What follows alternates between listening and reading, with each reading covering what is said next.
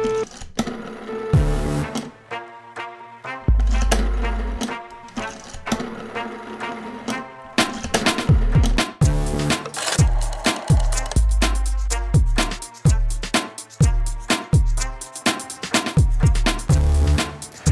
Dobar dan, dobrodošli u još jednu emisiju. Moj današnji gost bit će profesor Miodrag Zec, profesor ekonomije u penziji. E, profesore, dobar dan, dobrodošli. Dobar dan. Evo jutros kad sam otvorio, ovaj, ovaj podcast se snima utorkom, a emituje se četvrtkom, ali ja jutros kad sam otvorio e, stranu našeg portala, videh vest da ste vi potencijalni kandidat za predsjednika Srbije. Iako se podcast ne bavi klasičnim partijaškim pitanjima, ali prosto ovo je pitanje koje se i kako tiče svih eh, građana Srbije. Ranije sam sa vama razgovarao, vi ste rekli da vas vlast apsolutno ne interesuje i da nemate sa kim da vršite eh, vlast. Eh, tada kada smo pričali prošlo je nekoliko godina. Da li se situacija promenila i da li je to što smo jutros uspjeli da pročitamo tačno? Pa nije tačno, normalno da nije tačno, mislim, u, smislu to je prosto, to je prosto jedna stvar koju je to tako neko rekao i sad ispalo je da ja treba da objačam, ali nije, problem tako jednostavan. Mi smo mala zemlja i mi se svi srećemo, i pozicije, i opozicija i tako dalje. I ja prvo sam uvek govorio da ja lično, ja kao Zec Mildrag, nemam, imam čitav niz stvari zbog čega ja to ne bi trebao da budem. Prvo je to zdravlje godine, to je prva stvar. Ja mislim da treba ispitati i napraviti neku vrstu fotorobota poželjnog predsjednika i da se tu bude neko ozbiljno istraživanje čak na državnom nivou kako Srbija vidi sebe u budućnosti. Ja lično smatram da na čelo Srbije treba da dođe čovjek od 60, 45 godina do 60, a ne do 70. Jer jedna je stvar kad imaš instituciju, kad nemaš. Znači, prosto je to... Ali ovdje, ja sam stalno govorio da ovdje postoji čitav niz problema koji su prethodno treba da budu rešeni. Ovdje treba da se razvije sistem institucija, ovdje sam svi traže vođu, straže Mesiju, ja sam daleko od Mesije, ovaj, bilo kakvog i kao čovjek, ja sam profesor universiteta, ja sam što kažu skeptik, ja sam zabrinut, ja imam svoj politički stav, ali ja nemam želju da vladam. Drugo, to zašto su mene izvikivali, tu i nema nikakve vlasti. Ovdje je glavni problem što nema koncepta podjele vlasti što mi 200 godina nismo uspjeli da napravimo jednu bazičnu stvar koja se zove podjela vlasti. Između zakonodavne vlasti, izvršne vlasti i sudske vlasti ovdje kao da niko nije se postavio jedno jednostavno pitanje. Zašto američki ustav traje 250 godina? Amerika prolazi kroz razne faze, kroz građanski rat, kroz 60. godine, kroz ekspanziju. Ali sistem drži Ameriku i kad je predsjednik moćna ličnost, a tamo je ogromna funkcija predsjednika, to je, to je što kažu, to su kraljevska ovlašćenja. On može biti dobar, sposoban kao Washington, Jefferson, Kennedy, šta ja znam, a može biti loš. Ali sistem mu ne da. Znači, sistem međusobne podjele vlasti i kontrole vlasti je ključni da bi bilo što funkcionisalo. A ovdje se ne shvata blagorodnost podjele vlasti. Ovdje se smatra da je podjela vlasti nešto što je bolest društva, a nešto je znak e, zdravlja i metabolizma društva.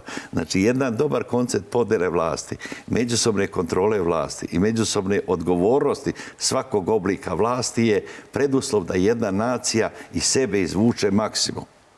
Ali profesore, kada bi taj fotorobot bio gotov i kada bi on 99% ličio na vas, Šta biste onda rekli? Pa ne vjerujem da, da, da na mene prosto, jer mi e, ovdje, ovdje je glavno pitanje, e, mi nismo odgovorili na jedno jednostavno pitanje, to je opet stvar sistema. Šta je većina, šta je manjina? Ko meni može da kaže šta je ovdje većina, šta je manjina? Ovdje se apsolutno većinom proglašava kad neko skupi 20-25% od ukupnog biračkog tela, je tako? I on kaže narod je rekao svoje. Ovdje se znači ključno pitanje zašto narod ne kaže svoje. Zašto nije napravljen sistem u kome se ljudi osjećaju kao građani da shvate da je izaći na izbore i glasati ne samo jedno veliko pravo, nego jedna velika obaveza a istovremeno sistem vlasti nije napravljen takav, a još se više urušava, da nije, nema, nema većine i manjine u smislu zakona, pa ono, Ustav, sećate se, da li glasa 50%, pa ovaj referendum, da glasaju tri čoveka, dva su za, jedan protiv i to je apsolutna stvar. Znači, ovdje se nije, nije se radilo na razumevanju političkog sistema i dobrobiti koje dobar politički sistem može može produkovati. Drugo, to zašto su mene izvikali, tu vlasti nikakve i nema. Razumijete? Ali e, sadašnje e, stane ne, demantuje u tome. Pa, pa, u tome i jeste problem. Znači, vi imate kancelarski sistem u ovoj zemlji gdje je predsjednik protokola lično simboliše ovo ono, daje pomilovanje, komandoje vojskom i tako dalje. Nikakve on vlasti ni o čemu nema. Što ljudi misle da predsjednik može da radi. E, za kakve mi imamo predsjednika? Kad je Milošević predsjednik, kod njega je sva vlast. Kad dođe Ivan Milotinović na to isto mjesto, u tom istom ustavu, on je fikus, jel tako? Prvi ga niko ništa ne pita. Pa dođe e, Đinđić Koštunica pa se tu svađaju pa se raspade dos oko, te svađe i gdje je vlast. Pa kad dođe Tomislav Nikolić na vlast pa vrši to što je vršio po zakonu, narod njega prosto sažaljeva kao i gradonačelnik, jel tako? Kad dođe Vučić, a on nosi u koferu vlast. Znači ovdje se vlada personalno, a ne institucionalno. I ovdje postoje se pitanja, ako je to tako, pa promijenimo sistem, uvedimo bar predsjednički sistem. Mi imamo parlamentarni sistem. Mi imamo da je sva vlast u vladi, u Narodnoj skupštini. A vi sad meni govorite da tu nikakve vlasti ni nema. Pa to i jeste problem. Ne može tako društvo da beleži napredak ako njegov metabolizam nije u redu, ako mu ne radi jedan organ. To je ko kad vi, jedete, a ne radi vaš želudac. Ali, ali profesore, ko onda mora da menja? Ako vi kažete ja neću da se prihvatim te funkcije, jer u suštini ja tu, ukoliko bih se držao zakona, ja tu i ne mogu mnoge stvari da promenim. Dakle, e, da li je ovdje kriv narod, da li su krivi političari, da li su krivi krive okolnosti, što unutrašnje, što spoljašnje, ili je ovo sve zajedno? Dakle, šta je ono što... Kako vi to gledate kao neko koje je predavao ekonomiju na, na filozofskom fakultetu. Dakle, kako to e, gledate iz tog fenomenološkog ugla? Ja kao čovjek 40 godina propovedam pod otvorenim nebom. To sam radio kad sam bio profesor. Ja pričam šta ja mislim da je tačno. ostavljajući će ljudima pravo da oni kažu jeste zec u pravu ili zec nije u pravu i tako dalje. Ja nikoga ni u što ne ubeđujem. Ja iznosim svoje mišljenje kad mene neko pita. Ali je problem što vi ljudi ne shvataju blagodet podele vlasti i odgovornosti i ne shvataju da ambijentalna celina zato je slobodna štampa. Pa nije džaba taj drugi amandman. Nije to džabe. Znači ti kad si napravi jedan model, američkog kongresa, predstavničkog doma, senata, načina izbora. To se 250 godina bazično taj model ne menja, te kontrole između predsjednika Vrhovnog suda, kongresa, kako može, kako ne može. Ti držiš balans, držiš, ne može se prepustiti ličnom talentu, ličnoj volji, ličnoj genijalnosti. To je mesijanstvo. To mesijanstvo nas vodi tako da mi poslije posle 200 godina, od 804. godine, ili od 912. pa se 100 godina, mi smo na istoj tački gdje smo bili 912. godine. Mi smo promijenili 50 ustava i 7-8 država. I gdje smo sada? Manji smo po potencijalu, manji smo po geostrateškom značaju, manji smo po svemu. Ja kao profesor universiteta imam političku filozofiju, ali ja nju saopštavam dobronamjerno ko hoće da me čuje ja propovedam neka načela za koje ja smatram da su drugim ljudima dale šansu da maksimiziraju svoj potencijal. Ja propovedam da je sistem strašno važan. Ja propovedam da je rimski vojnik pojedinačno gledano možda čak e, i potentniji od Germana koga sreće na rajni. Ali rimska legija kad dođe, ona prolazi. Rimska legija je sistem. Aleksandrova falanga je sistem. Američki model je sistem. Da od jedne Pre 200 godina, pre jedne divljine ti napraviš jednu imperiju. Razumete? Kako znači, doći do ovog sistema ovdje kod pa, nas? Do, ja mislim da se može doći e, do sistema kroz obrazovanje. U najširem smislu reći. Šta je glavno oružje Amerike? Nisu to atomske bombe. To je jedno uverenje da ćeš ti tamo uspjeti da maksimizira svoje talente. Zato je ona imigracijona zemlja. A zato je Srbija, koja je bila 912 imigraciona zemlja, postala emigracijona zemlja. Razumeš, njima univerziteti služe ne da bi neko dobio diplomu, nego da bi dobio neko znanje i da bi od hiljada ljudi koji se tamo motaju ovaj, dobili talent. Harvard je mrestilište gdje nisu svi kapitalci da neki plaćaju to i tako dalje, ali Harvard omogućuje da ti prepoznaš kapitalca i da ga slaviš u sistem. Pa Amerika danas od 4-5 rastućih kompanija koje belere fascinantne rezultate, sve su one u Americi. Mi se ovdje borimo za investicije koje su prevaziđene.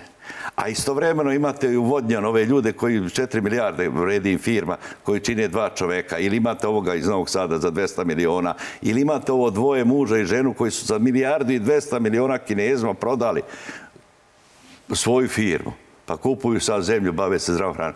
Znači, pitanje je šta ti potenciraš, gde ti ideš. Znači, ja imam svoj posao. Moj posao je da kad me neko nešto pita, da mu kažem šta ja mislim iskreno šta, će on da radi? On mora da odluči šta će da radi. Ja ne mogu za njega ništa da uradim, sem da mu dam dobronamera savjet i da ja sam pokušam u svom životu da činim. Ja sam čovjek koji ima jednu najveća, najveća za mene društvena vrijednost je sloboda. Ja sam svoju slobodu platio. Mene su izbacili s univerziteta u Bosni. Neki koji su me tad izbacili, poslije su zaratovali i tako dalje. Nema sad veze, ni neću o tom da pričam. Znači, ja mislim da je moja dužnost da vršim, da vršim što kažu ovaj, tu neku, ako me već neko nešto pita, kao što ste vi mene zvali s da dođe, da ja kažem ljudi nemojte ići u tom pravcu. Ja mislim da nije dobro. Ja neću da i tučem da ne idu, ako hoće da idu nek idu. Ja ovo što, što, što se doživljavam kao opozicija, od ovih zvaničnika i tako dalje. Prvo, to, to nije nikakva stvar, ja se, ja se rukovodim načelom sumnje. Vi imate dva načela. Jedno je načelo sumnje koje čini i Beogradski univerzitet i univerzitet uopšte od Dekarta. Sumnjam, dakle, postoji. Propitujem, analiziram. Ovdje je načelo verujem. Kredo vi absurdno mjesto. Ovdje je to načelo. Kad neko kaže, ovi veruju, idi, idi, idi. Pa, I kako smo došli? Pa došli Verujete li vi kada predsjednik na konferencijama za štampu, svaka konferencija za štampu počinje da beležimo najveći rast u, u istoriji. Da li vi verujete kada vam to predsjednik kaže? I ako ne verujete, ajte da objasnimo ljudima zašto to nije tačna informacija koju on, ili ako je tačna, zašto je tačna informacija koju on saopštava naciji? to je također jedno pitanje za čitav jedno predavanje, ali evo ukratko. Znači, vi imate brzinu, imate ubrzanje, imate prosječnu brzinu i tako. Imate razne vrste merenja. I ne znači da sad kad neko u osječku vremena od tri minuta ja sad skočim pa brzo dođem do vrata i tu padnem a neko kontinuirano trči i tako dalje. Što se tiče našega rasta, ja mogu da shvatim da je on čovjek koji ima beskreni talent za, za političku promociju toga što on radi. I on se verovatno meni i ne obraća. On verovatno se obraća nekim drugim. I ti stalno u ekonomiji ti možeš e, čitav niz stvari predstaviti na stotinu načina. Ali jedna jednostavna stvar. Ako smo mi tako brzo rastemo, pa zašto smo po pretpozadnji Europi? I sada, a bili smo i kad je on došao na vlast. Zašto se to tako dešava? Prosto stvari nisu takve. Ti imaš zamjenu teza sad koja globalno ide. Kaže, Kina stiže po društvenom proizvodu Ameriku.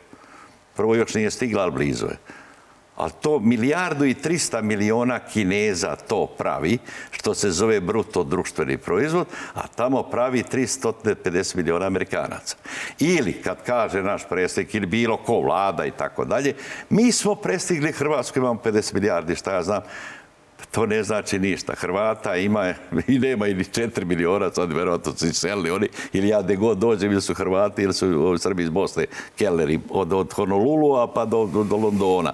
Prema tome, ali ni ti što je ostalo njih u Hrvatskoj, jel tako, oni produkuju ti njih je duplo ipak manje nego nas. Znači, sama ta činjenica, koliko pojedinac, Đuro, miodrak, koliko proizvedu viška, a koliko tamo neki u Istri, jer to ona dvojica proizvede milijardu i 200 milijuna. A koliko nas dvojica proizvode u pa, pa, malo, pa šta proizvodi hiljada dolara po glavi stanovnika, to je to. Mi smo, znači, ispod e, društvenog bruto proizvoda po glavi stanovnika i za nas, ja mislim, Makedonija i Albanija. Crna Gora je bila prevazišla, ja ne, ne znam sad te tekuće detalje, ali je tu je to negde mi smo, znači svaka činjenica može da se tumači sa različitih načina. Kaže, mi smo lider na Zapadnom Balkanu. Pa ko je na Zapadnom Balkanu sem nas? to je opet Makedonija, to nije ni Bugarska, to nije ni Rumunija, to nije ni Mađarska, to nije ni Hrvatska. To je Albanija, to je Makedonija, to smo mi, Crna Gora se ne smatra Zapadnim Balkanom, kada nismo mi tu više.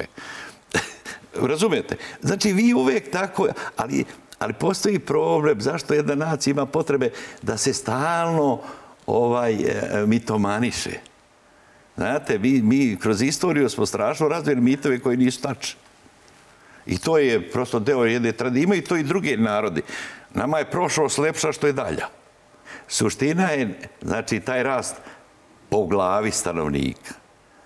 To je koliko toliko uporediv element. Ništa ostalo nije uporedivo. A još je važnija stvar, struktura društvenog proizvoda. Šta je to što vredi 50 milijardi, od čega se ono sastoji? Da li se sastoji od kukuruza u klipu? Da li se sastoji od rudnika koji kad padne steg neće da gori od, rude? Ili se sastoji od vrhunske tehnologije ili se sastoji od e, proizvoda visoke dodate vrednosti? Ja sam se šalio i stalno sam pokušao tim nekim primjerom, kaže, pa ljudi, koliko vredi kila krompira, a koliko kila iPhona? Koliko vredi kilogram BMW-a, a koliko vredi kilogram, da ne kažem, ovaj, nešto, nešto drugo. Prosto, znači, struktura je struktura toga što smo mi napravili. pominjete tu Pa kako se mogu očekivati cene? Pa kako je moguće da sad jedan pojedinac zaradi milijardu na tim virtualnim stvarima? Nisu kod nas. A mi imamo te ljude, ali oni to ne rade ovdje. A čak bi mogli, imaš internet, imaš sve. Nije to proizvodnja sad da treba neka velika tehnologija. E, to su problemi. Kad pominjete tu strukturu, a Srbija je od vajkada glasila kao zemlja koja se preoshodno bavi poljoprivredom zato što je na tom položaju na kom jeste, ima kvalitetnu zemlju. Mi imamo situaciju e, da se na najplodnijoj zemlji u Banatu pravi najveća fabrika guma, dakle proizvodit će se gume sa prljavom tehnologijom. E, zašto je nemoguće da Vojvodina bude žitnica Evrope i da srpski, to jest vojvođanski seljak, da živi od svog rada, ako to recimo može jedna Holandija koja ima nekoliko e, puta e, manju površinu poljoprivrednog zemljišta? Pa opet vam govori sistem i znanje. Hlađani sa hektara proizvode ne znam koliko, od 80.000 dolara, mi 12. Ne, mogu, nemojte me držati. Ja nisam kao ovi naši političari da pamtim sve brojke, prosto, ali znam, ali znam odnose.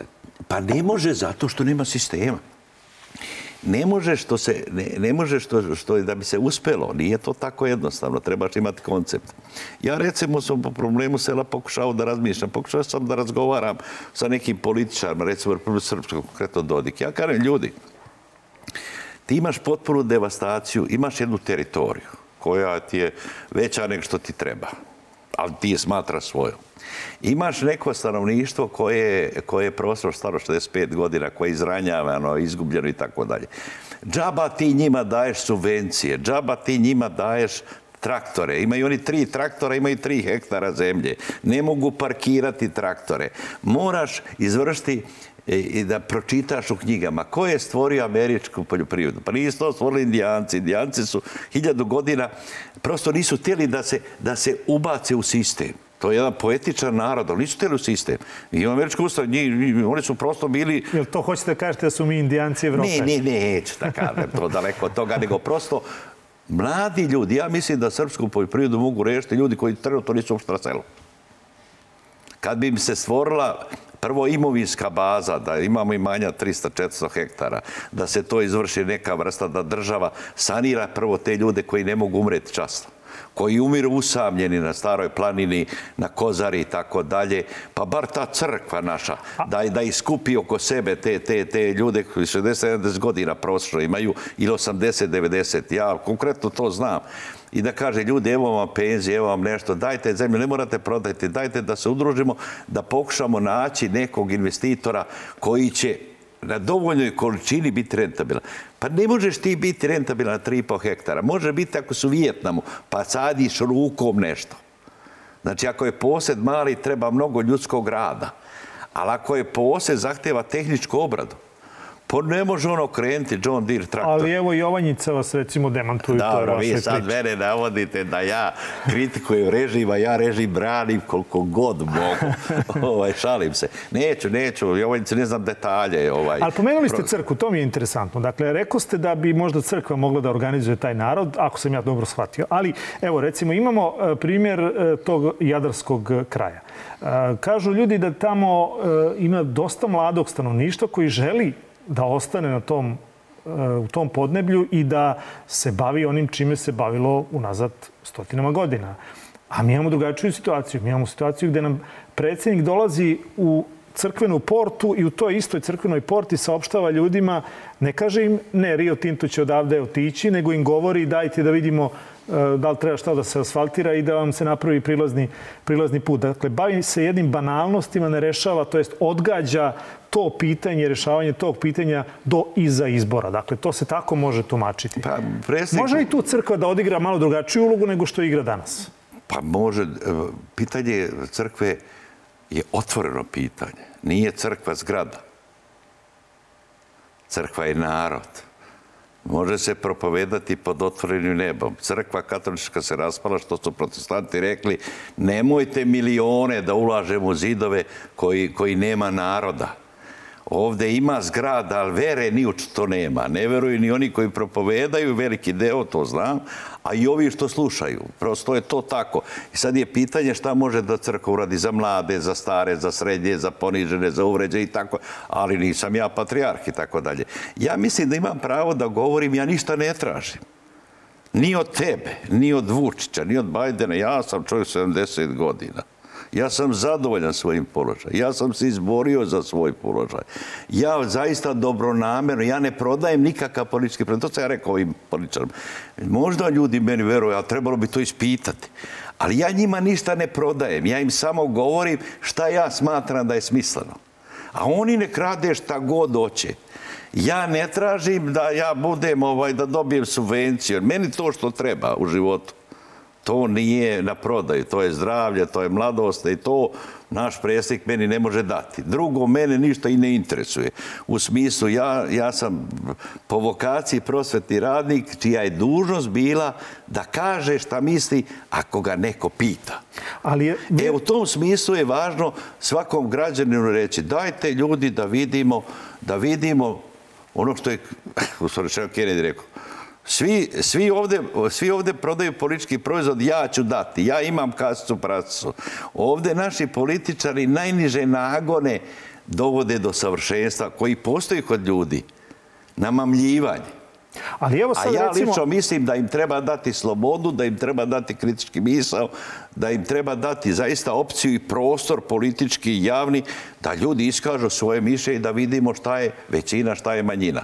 Mi to ne znamo. Ako, bi, ta većina, ako bi, ne navodim vas da kažete da ili ne, ali prosto ako bi ta većina videla e, vidjela da ste vi taj čovjek. Ne morate imenu i prezimenu, ali prosto da ste vi nekog, jer, za sada se... Ne znam, postavljate pitanja za koje, eh, kako god dogovorimo, će se glupo. Mhm. Eh, ja samo mogu da reći, ja lično više verujem u Srbiji izgleda nego vi. Ja mislim da kad bi se, kad bi se zaista dublje pokušao da se analizira problem, da Srbija može naći višestruko bolje mene. Ako može mene naći, onda znači da je spasa i nema. Šalim se. Sad vi mene navodite na nešto. Ja nisam došao da... Morate želeti nešto. Ja sam želio da budem profesor Ja sam unatoč svemu, kad su me izbacili, postao to. A pa sam nisam slučajno otišao na filozofski fakultet, pošto to ipak neko mjesto slobode. To nije ekonomski fakultet. Oni vole ljudi vlasti, oni su pragmati i tako da. Ovo je još nešto postojeno kritičke misli, toga i nema mnogo. Ali prosto, znači, ja prosto sam, ja prosto, morate želeti nešto. Ako hoćete da igrate za zvezdu, morate da želite da igrate futbale. Ja istinski mislim da ni nemam tu prvu kad važnu kariku. Ti moraš imati strast jednu da, ti, da ti se hoćeš to da radiš. Ja imam strast kad me pitaju da kažem šta ja mislim, ali ne da ja to, ja to njima uveđujem. Ja znam kao što poliče kaže, ja znam da je to tako, ja ne znam. Ali profesor, nije li to pomalo kritika onda bez prihvatanja odgovornosti? Pa nije, što ja nisam odgovoran? Pa recimo ako... Pa zar nije velika odgovornost kad ja e, sve što govorim ne radim svrsishodno? Mhm. Ja radim iz javne dobrobiti. Ja bi mogao da se nagodim i sa onima i sa ovima. Ja neću da se nagazim. Ali ako ste ušli u presek ovog naroda... Ne znam ja. Ja sam samo tada govorio i suština razgovora bila to dajte ljudi, stavite 20, 30, 50 ljudi.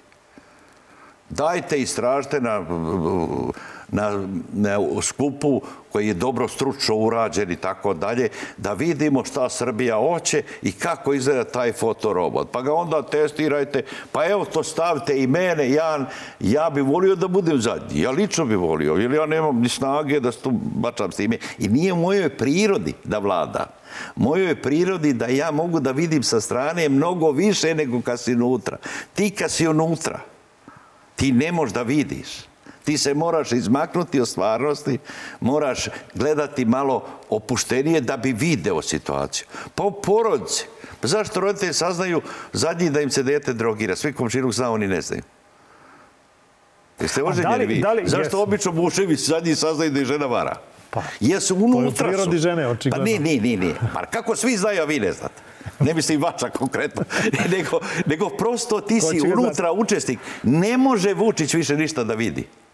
Je on samo sreće ljude koji... Da li si on ikad pitao za bilo kakav savjet? Vučića sam ja par puta sreo, imam emisiju jednu sa njim koji sam tražio od Marića, ja i on smo bili u Čirilici i kaže nema te više emisije. Ja bi, pošto ja imam svoj sajt i ja na tom svom sajtu go stavljam sve što mogu da nađe što sam ja ikada javno rekao od 90. godina do sada i to bi rado stavio. Ovaj, to bi rado stavio prosto da se vidi šta je on rekao, šta ne da ja kare pitao me pa me nije pitao i tako da. Imao sam ja ti, ti poziva da dođem i na snimački kongres i tako da. Ali nisam ja taj čovjek. Imao sam ja poziv i od ovih demokrata. Nije, nisam problem ja ovde, bre. Mislim, ja sam čovjek odlazeći. Ja sam najkoristiji Srbiji ovakav kakav jesam, ja mislim. A mislite li, recimo... kao jedan, eto, nezavisan čovjek. Kad biste prevazišli recimo. Joj, bre, kad biste prevazišli e, to da prosto to ne želite, da niste u godinama, da, ovo sve što ste mi do sada rekli. A smatrate li da, da postoji čovjek, ne vi, nego da postoji čovjek koji ima ima mogućnost da okupi tih 50 kvalitetnih koji će da naprave ne ovakav sistem kakav ne postoji u suštini, nego pa da naprave jedan mnogo ljudi, reći ja sad, neću ja sad da pomenem neko ime kroz moje pomene pa da ga provlačim kroz to Ne Ali ako nema, onda ne treba, što kažu, treba spavati, sanjati ili otići. Ako ne. Razumijete? Ako nema. Ako nema. Gotovo je. Često puta ste... Jer je pitanje studenta, ja sam sa njim prvo 10 godina, i ja tačno vidim kako se krenji taj kreativni potencijal i kako ljudi upadaju u defanzivu i da neki misle da kupe diplomu, što je najrentabilnije i najbolje uložen novac je u master i u Narodnu skupštinu odmah ili šta ja znam u vlast ili bežanija napolje. I to je, strašno. Ja zbog toga govorim. Srbija je e, država, e, Srbija, Srbija se spašavala infuzom ljudskog kapitala od polovine 19. veka pa 912, 1940. To je bilo bilo uopšte. E sad su izvori presušli. Sad je Krka i Cetina i Pitaj Boga i Sana i nas sve je to presušlo i sad imamo krvoliptanje. I ja zato govorim, to je moj najveći problem zbog koga ja kao čovjek upozoravam da je to opasna stvar. I upozoravam i ove što su otišli, tako da je, kažem, ljudi, ipak se, šta ste vi uradili, ipak svoju i tako dalje. Ali, profesore, dakle, ja vas po deseti put ne navodim vas na to, nego prosto hoću da, samo podelim sa vama jednu informaciju koja je dostupna apsolutno svima, a to je da vaš YouTube kanal, koji se apsolutno nigde ne reklamira sve na tom youtube i u vašim gostovanjima po emisijama, da vaš YouTube kanal u ovom momentu ima 25.000 stalnih pratilaca. Zar vam to ne govori da narod ište nekoga kao što ste vi. Dakle, pa očigledno je ovo narod koji je navikao da, da ima pastira. Nije ovo narod pa koji je navikao da ide... Pa 25, nego 26.000 ostavci, to je bilo siro. Pa nije ni važno. I, ima, javljio se tu neki, neki krug ljudi i zaista ja to smatram propovedanjem što kažu u A da li biste mogli iz tog pripovedačkog ćoška tamo negde u trodimenzionalnom prostoru da nadgledate tu neku ekipu koja će se okupiti i na taj način da... ne, ne, ne, nema niko kod mene kredit, da mu ja ne bi rekao šta mislim. ne, ne postoji neko. Kad bi se formirala ustavna komisija, da se napravi jedan model države koja je održiva, kad bi se napravio jedan koncept, ja, ja sam spreman da učestvujem u radnim tim grupama. Ali ovo je provođenje, ovdje je problem, problem što ti imaš jednu situaciju da su neke stvari postale normalne koje su nenormalne. I kad ja to vidim, ja, sam prosto zapanjen, ja ne mogu da te ljude razumijem. Kad imaš ustav sadašnje Srbije, da je sva vlast u vladi, da imaš 250 poslanika napadajući broj stanovništva i na problem Kosova i na problem svega ovih i tako dalje. I da imaš da ljudi raspravljaju zakon o ekspropriaciji koji izazvao veliku senzaciju, se ljudi osjećaju sad ugroža, oteće meni kuću, oteće zemlju i tako dalje. Zato je to toliko. Sad izgleda je mečka došla malo bliže. Mhm i da imaš situaciju da je vlada istraživala taj problem, pa ga je predložila Narodnoj skupštini, pa je Narodna skupština duboko analizu vršila toga i jednoglasno zaključila da je to genijalno najbolji zakon na svetu, da bi kad je Vučić, koji jeste veliki autoritet u ovoj zemlji, kad je Vučić konačno prelomio, sad oni ti isti ljudi. Jednoglasno glasaju. Jednoglasno glasaju da je to bez veze. Znači, meni je to fenomen, ako je to stvarno tako, i ako ti ljudi to mogu da urade i da se javljaju za reč kao narodni poslanici, da eto sad lanu na zec mi odragazu koga nije ni teško, ni ja se i zec zove, mene svako možda juri. Plašljiv ste čovjek. Ma ja vrlo sam ustravljen. Ovaj, ali oni to rade. Ja kažem, pa ljudi, pa stvarno, da li je to normalno? Da li je to normalno? Da li postoji dostojanstvo da sam ja predsjednik vlade i da bi se to desilo? Ja ne bi bio to ni dva sata. Ali meni, da, mene je gurino funkciju koje nije nikakve vlasti. Ima vlasti ako imaš organizovanu partiju, falangu šta je, ako imaš to. Ali ja nemam ni živaca za to. Ja mislim da sam ja Srbiji najkorisniji kao, eto, neki što kažu korektivni faktor, ako sam uopšte koristan. Mislim, razumete, mislim, e, ja mislim da bi bila, bilo bi potpuno, potpuno pogrešno da ispade da sam ja 70 godina sve ovo pričao da bi neko kandidovao. Imao sam ja te, kad sam izbacili iz Bosne, imao sam ja ponude on mogao veći faca da, da uđe u predsjedništvo BH u Hamdi od ovoga. Pa nekako ljudi, pa nisam ja za to, bre. Ja, ja imam klip na mom kanalu gdje bi neka novinarkista isto ovako čorala koji i vi na mene. I okre ljudi, ja ne bi sam ni za sebe glasao. Pa šta da kažem, šta da kažem. Nije, to suština. Suština je da postoji oslobođen čovjek da nešto kaže. Ljudi, ja vam, ja vam lijepo kažem, nemojte da idete. Evo recimo u tome snimku iz 92. godine. A da li ne, samo da sad vrati na mom YouTube kanalu. To je mm-hmm. radio televizija Vojvodine. Jure Bajec, moj profesor. Danko Đunić, dolazi visoka inflacija. Ja kažem ljudi, juri u zid, nemojte dodavati gas. Kočite. Ne, bit će to, bit će ono. Dođe 93. dođe 60% dnevno. Ja mislim da je to často od mene što sam ja to javno eto na toj državnoj televiziji rekao. Oni koji su to rekli, zato ja kažem, zašto sam ja osnovu YouTube kanal? na nagovor studenata, oni mi to pomažu, rade i tako da muka je od toga, to je posao čitav, pa vi, vi to radite za plati, ja radim džabe. Ovaj, prosto da ljudi imaju pravo da pamte. Ja bi svakog političara, svakog političara, svakog, ne samo sad da smo protiv ove vlasti, pa svakoga napravio jedan video, video arhiv u kome kaže 94. to, 98. to, 2000. to, to, to, to i za poziciju, opoziciju. Mora se paziti šta se govori. Ovdje vraži to jedan dan. Eto, danas neko to kaže i one mogu da živi, narode pita šta bi ti, kad bi ti. Ili šta ćemo sad? Ja kažem treba napraviti temelj džabe krešti fasadu. To pričam deset godina. Deset godina, dvadeset do trideset godina, ne, ne, ne, ne, ne. Nećemo mi, mi krećemo fasadu, a temelji klize. Na, toj na jednoj od tih fasada beogradskih piše jedan grafit gdje kažu skini mantiju Grigorije i, ovaj, i spasi nas. Otprilike parafraziram, ali to je to značilo. Vi ste imali jedan razgovor koji ja ne znam koliko stotina hiljada ljudi e, je, je, mislim da je preko 300 hiljada ljudi je Dobro, Grigorije, Grigor je, je lep čovjek, pa njega i gledaju, mene dobro, samo sluša, ja sam dobar zna, za radio. Znači li to da, ovaj, da biste mogli da budete slobodni, morate da odete u Dizeldor da o tamo pričate ili na taj način da, da, da možete biti slobodan čovjek i da Ma, to... slobodan sam ja u ovoj zemlji. Čovjek. Dobro, da li onda ovo, ovaj ekološki protest, da li je to oslobađanje uh, i neka, neki uh, zračak, zračak nade ili svetlo u tom tunelu da, građani ipak shvataju da, da ima nade? Pa ja mislim da ta svest, e, što kažu, e, se javlja i postoji. Ja lično živim tu na Dorčelu, ja ne mogu izaći na terasu, ja ne znam šta smrdi, pa se zeze smrdi. Ima nešto trulo u državi Danskoj. Stvari, ja ne znam šta smrdi. A stvari to vaše pečenjara. Pa, pa ne, Obližnja. Pa ne, samo pečenjara. Pa to je ludilo čoveče, ja, ja sam se šalio sa to pečenjara. Ne možeš ništa da uradiš. Ti imaš hiljadu kontrolnih organa, i gradski i on loži čumur i pušta mene u spavaću sobu. I kad dođe inspekcije, kad dođe država, povedu će vape i odu. I šta ćeš ti onda raditi? Ja zato mislim da to nije stvar jednog čoveka. Stvar je uverenja ljudi. Da li smo mi se dogovorili da stavimo na crveno?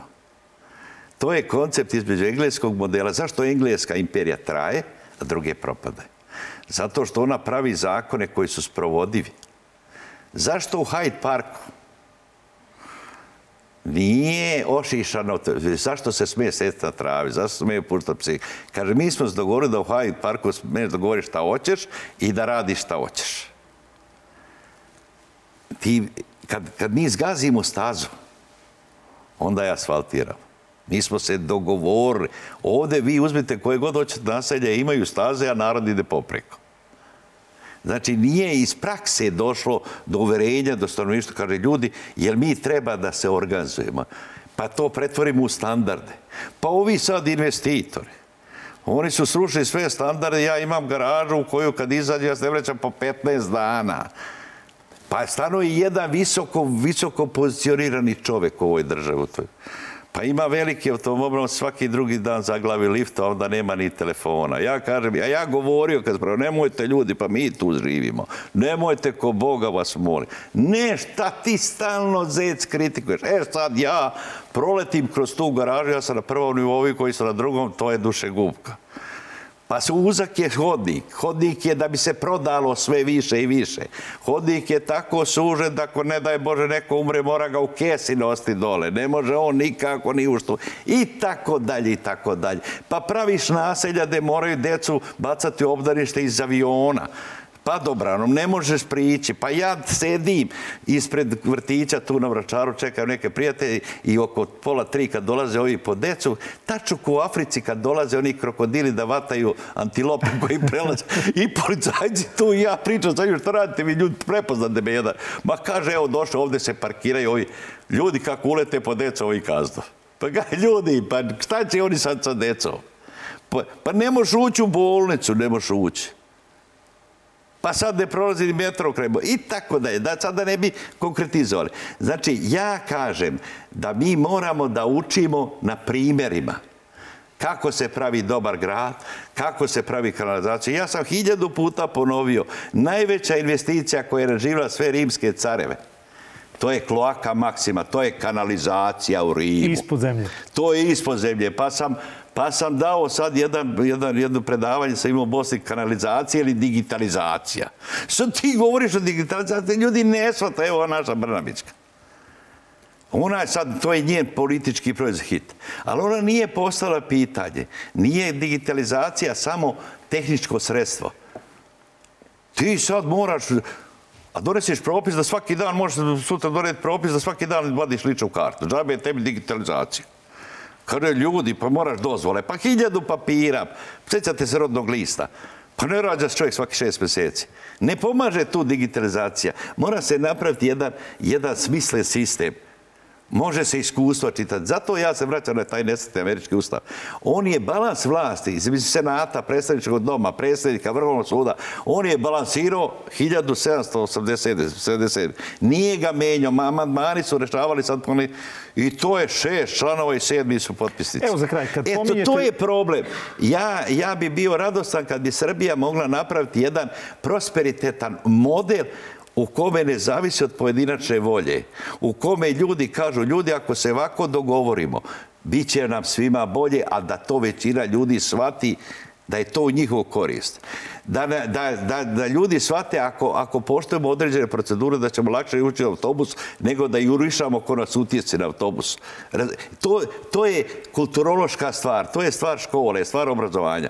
To su dve ustanove su kapitalno zakazale, to je su škola i crkva crkva zida hramove, vere nema, škola ispunjava, formulare bolonjske, a nema bazičnog odnosa, nema toga upitanosti. Imaš, imaš, nemaš razumevanja. Ja sam probao 40 godina pitaj studenta.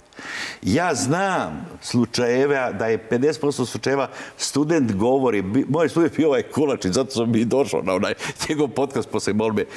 On govori, to je sve tačno, a ti vidiš da on to ne, ne razume.